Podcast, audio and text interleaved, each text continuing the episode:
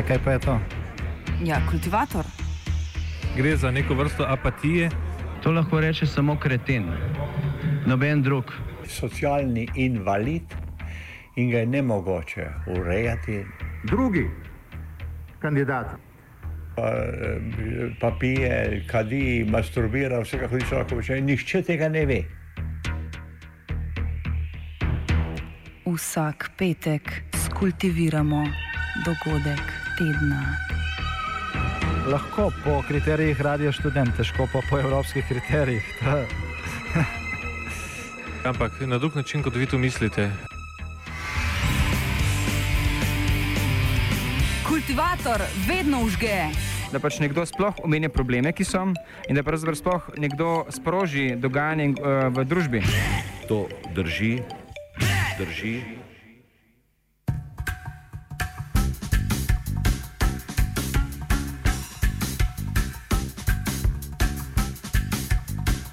Ob odstopu zadnje ministrice za zdravje Alenke Tropskaza so na površje ponovno privreli pereči problemi v slovenskem zdravstvenem sistemu. Eden izmed največjih je prostovoljno dopolnilno zdravstveno zavarovanje, ki nam prikazuje, kako je solidarnost ujeta v interese profita in politike. Na eni strani reke imamo domnevno prazno zdravstveno blagajno, na drugi pa množico ljudi, ki dopolnilnega zdravstvenega zavarovanja iz različnih razlogov nimajo urejenega. Prvi zakon o prostovoljnem dopolnilnem zdravstvenem zavarovanju je bil sprejet leta 1993. O tem, kako se je vse skupaj začelo, nam pove očak slovenskega prostovoljnega dopolnilnega zdravstvenega zavarovanja, takratni resorni minister Božidar Volč. V letu 1992 je bila sprejeta nova zakonodaja, ki je upeljala dopolnilno zdravstveno zavarovanje. In uh, tako smo ga tudi potem upeljali. Vendar moram povedati, da je bilo to zavarovanje pod okriljem Zavoda za zdravstveno zavarovanje Slovenije, kar pomeni, da so kadri, administrativni kadri zdravstvene zavarovalnice urejali tudi polnilno zavarovanje. In takratni direktor, gospod Košir, je vsako leto imel v parlamentu predstavitev rezultatov oziroma finančne dinamike Zavoda za zdravstveno zavarovanje in kot drugo točko je zmeri predstavil tudi, kako je bilo z financami na področju dopolnjenega. Dokler je bilo temu tako, tudi v javnosti ni bilo kakšnih problemov v zvezi z dopolnjenim. Kasneje se je pa to drugače uredilo.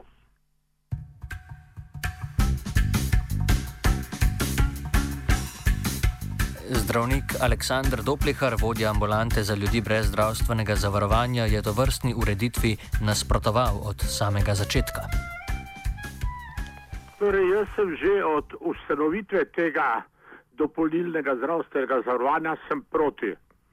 Zato, ker je že takrat, ko so ga ustanavljali, oziroma ko smo ga ustoličili, je bilo torej rečeno, da bo od tega imeli korist zavarovanci dejansko pa zavarovanci niso dobili nič, samo plačvali so ne, in ob visokih stroških torej, vodenja teh računov so imele korist samo privatne zavarovalnice. Raziskovalec zdravstvenih sistemov Tit Albrecht je trenutno stanje sistema dopolnilnega zdravstvenega zavarovanja komentiral s sledečimi mislimi. Dejstvo je, da se je dopolnilno zdravstveno zavarovanje je bilo oblikovano kot v bistvu zaščita pred doplačili. Zakaj je bilo to potrebno? Zato, ker doplačila zneskovno na letni ravni ali kakšnem drugem časovnem obdobju niso uh, omejena. To se pravi, da praktično kroničen bolnik, bolnik, ki ima uh, veliko stikov z zdravstveno službo, bi brez zavarovanja lahko utrpel zelo velika doplačila. In to je pač v tem strahu pred uh, tako se je zgodba pravzaprav začela.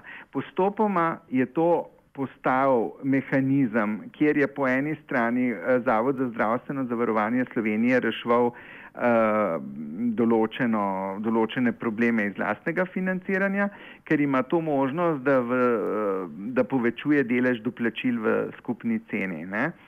Je pa dejansko dopolnilno zavarovanje pri nas, čeprav je tako na veliko oglaševano kot zasebno zavarovanje, zato ker ga pač plačamo iz neto plače, eh, dejansko uh, sijamski dvojček javnega zavarovanja, zato ker skupna cena, od, te, od katere bi morali plačati doplačilo in proti kateremu smo zdaj zavarovani, skupno ceno tako ali tako določa Zavod za zdravstveno zavarovanje, ne te zavarovalnice.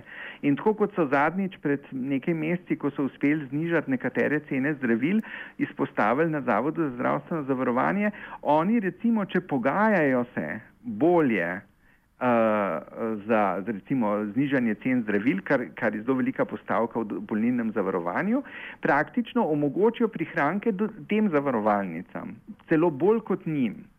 Zato, ker so doplačila večja, kot je, kot je, osnovna, kot je osnovni prispevek zavoda. To skratka pomeni in tudi videli smo, da ko so bili vsi ti premiki, dopolnilne zavarovalnice niso nikoli znižale premij, ampak so jih ohranile na isti ravni. Uh, To, da zdaj realizirajo v skupnem znesku okrog 70 milijonov uh, presežka, torej dobička, na 450 milijonov uh, toka denarja, Eh, lahko sicer razumemo kot uspešno poslovanje, ampak ker je narava teh sredstev, po moji razlagi, ne, po, po, po mojem videnju, v bistvu javna, ker, ker je vezana na javno zavarovanje, mi dopolnilnega zavarovanja ne moremo me, imeti, če nimamo obveznega. Ne.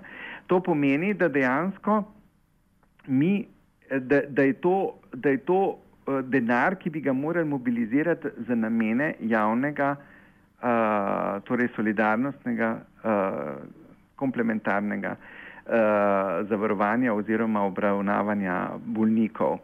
Veliko krat se povdarja, da je veliko sistemov, to je taka floskula pri nas, uh, da je veliko sistemov v Zahodnji Evropi, kjer so doplačila nekaj normalnega in kjer uh, so zasebna sredstva normalna.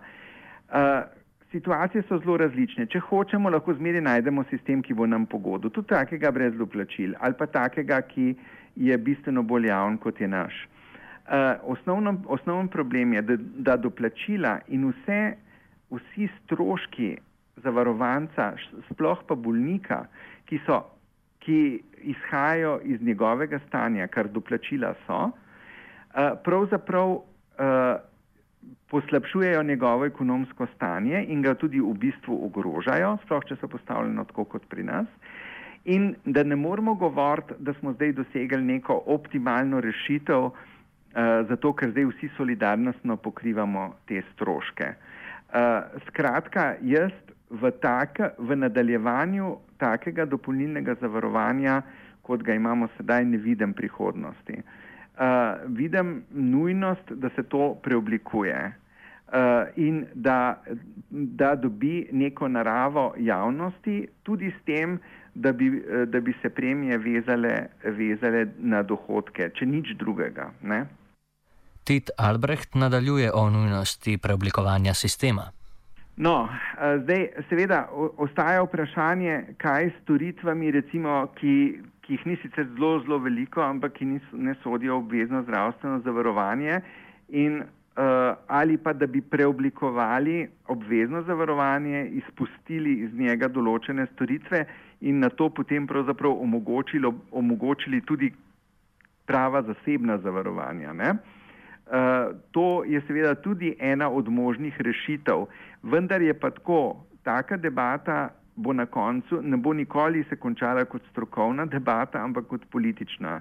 E, dosti krat rečejo ljudje, ja, to je strokovno vprašanje. To je vedno sicer lahko strokovno vprašanje, ampak, veste, zelo lahko se najbrž vsi strinjamo, da neka čista kozmetična operacija, ne, plastična operacija je stvar posameznika. E, veliko bolj težko pa nastane e, vprašanje, ko gre za mm, recimo kvaliteto materijalov, ne samo v zobozdravstvu, ampak lahko celo v medicini, a vam bodo zdaj ugradili neko protezo cenejšo za kolk ali pa boste imeli zasebno zavarovanje, pa vam bodo dali neko, ki stane še enkrat več kot tista za javno zavarovanje. Tako da v bistvu to so m, tipična uh, na koncu politična vprašanja in niso nič strokovna. Ne?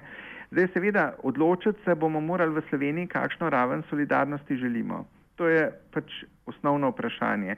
In če se tega ne moramo odločiti, potem se tudi ne bomo mogli dogovoriti o tem, ali je 30% iz žepa oziroma zasebnih sredstev, kot jih imamo danes v zdravstvu, cilj, dosežek ali pa neuspeh sistema. Jaz bi dal za primer, ker smo imeli tudi posvet še pod ministrom Gantarjem s tujimi strokovnjaki septembra lani.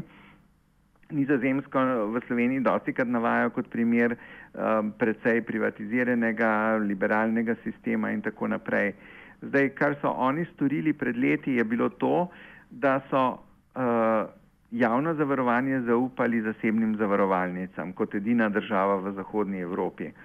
Uh, kaj pa so ob tem tudi storili? Ob tem so dvignili delež javnih sredstev v zdravstvu iz prejšnjih 60 na več kot 90 odstotkov. Uh, skratka, so povečali dejansko solidarnost v sistemu. Torej, tudi država, ki zelo temelji na, na, solid, na uh, trgu, na liberalnih pogledih in tako naprej, tudi glede pravic in obveznosti posameznika, se je odločila za tako rešitev. Uh, zato se moramo vprašati, potem, pa še, potem bi rekel pa še dve stvari. Mnogi so že pozabili, k sreči imamo varovalko pri teh naših doplačilih za tiste ljudi, ki so recimo prejemniki denarnih socialnih pomoči. Za tiste smo k sreči pred leti predvideli možnost, da so oproščeni doplačil, da, da je to urejeno med uh, Centri za socialno delo, Zavodom za zdravstveno zavarovanje in proračunom, ampak dosti krat najbrž pozabimo, da tudi administriranje nekega takega sistema stane in da na koncu koncev tem ljudem zdaj iz proračuna plačujemo uh, ta doplačila. Uh, torej, uh, delamo se najbrž včasih, kot da to ne obstaja, zato ker smo samo na, na drugo blagajno prenesli, ki je pa še vedno čisto javna. Ne? In če bi recimo uvedli uh, prispevke skladne z, z dohodki in tudi oprostili recimo najniže kategorije tega prispevka, potem bi cel ta sistem, ki zdaj zajema okrog 100 tisoč oseb v Sloveniji, mimo grede, uh, praktično odpadel. Ne? In tudi vsi stroški, ki, zni, ki so z njim povezani. Uh, ne bi pa ponavljal še drugih dejstev, kot to, da pač te zasebne zdaj zavarovalnice za dopolnilno zavarovanje so dosti dražje. Uh, ne bom omenjal ekscesov, ki so bili tudi glede izplačil in dohodkov in tako naprej, ampak osnovno, osnovni problem je, da stanejo na enoto zavarovanca bistveno več kot neko javno zavarovanje in tega pač z vsem prepričevanjem ne morejo, ne morejo zanikati ali pa ne morejo dokazati, da, ni, da temu ni tako. Kako se v praksi kažejo politična kupčkanja zdravjem in solidarnostjo, razloži Doplihar. Zdaj k nam pridejo ljudje v glavnem, ki nimajo nobenega zavarovanja, se pravi ne dodatnega, ampak tudi obveznega ne. Se pravi, so brez vsakega zavarovanja ne, in eh, politika skriva zdaj to, da je teh ljudi vedno več na ta način, da propadlim obrtnikom, torej jih ne imenujejo da so ljudje brez zdravstvenega zavarovanja, ampak jih imenujejo ljudi z zamrznjenim zdravstvenim zavarovanjem in ravno tako nimajo nobene pravice, jih pa ne vključujejo v skupno število nezavarovanih, ki pa ne zadržo raste. Kdo lahko obišče zdravnika, ne odločajo več zdravniki, temveč socialni delavci, meni Doplihar. E, namreč gre za to, da vkolikor gre za nujni primer, Se pravi, ga mi obravnavamo po tako imenovanem sedmem členu zakona o varstvu eh, oziroma o zdravstvenem zavarovanju. In v tem primeru potem to obrazložimo, torej napišemo ustrezno napotnico in naša socialna delovka pač eh, obrazloži to z posebnim dopisom, torej Ministrstvo za zdravstvo, ki v tem primeru potem to plača. To se pravi, da je Berodajem, nažalost, ne, v tem našem administrativnem kaosu je važen eh, torej, dopis eh, socialne delavke, je pa napotica zdravnika. Glavni krivec je in ostaja. Gledajte, jaz mislim, da gre samo za denar, ker če eni zavarovalnici lahko v dveh letih ostane 35 milijonov, pri 40% režijskih stroških je to jasno, da je vsak njihova, karkoli bojo rekli, je samo denar, brez drugega. poslušali ste kultivator, dopolnilno zdravstveno zavarovanje sta kultivirala Anuša in vajenec Noveli.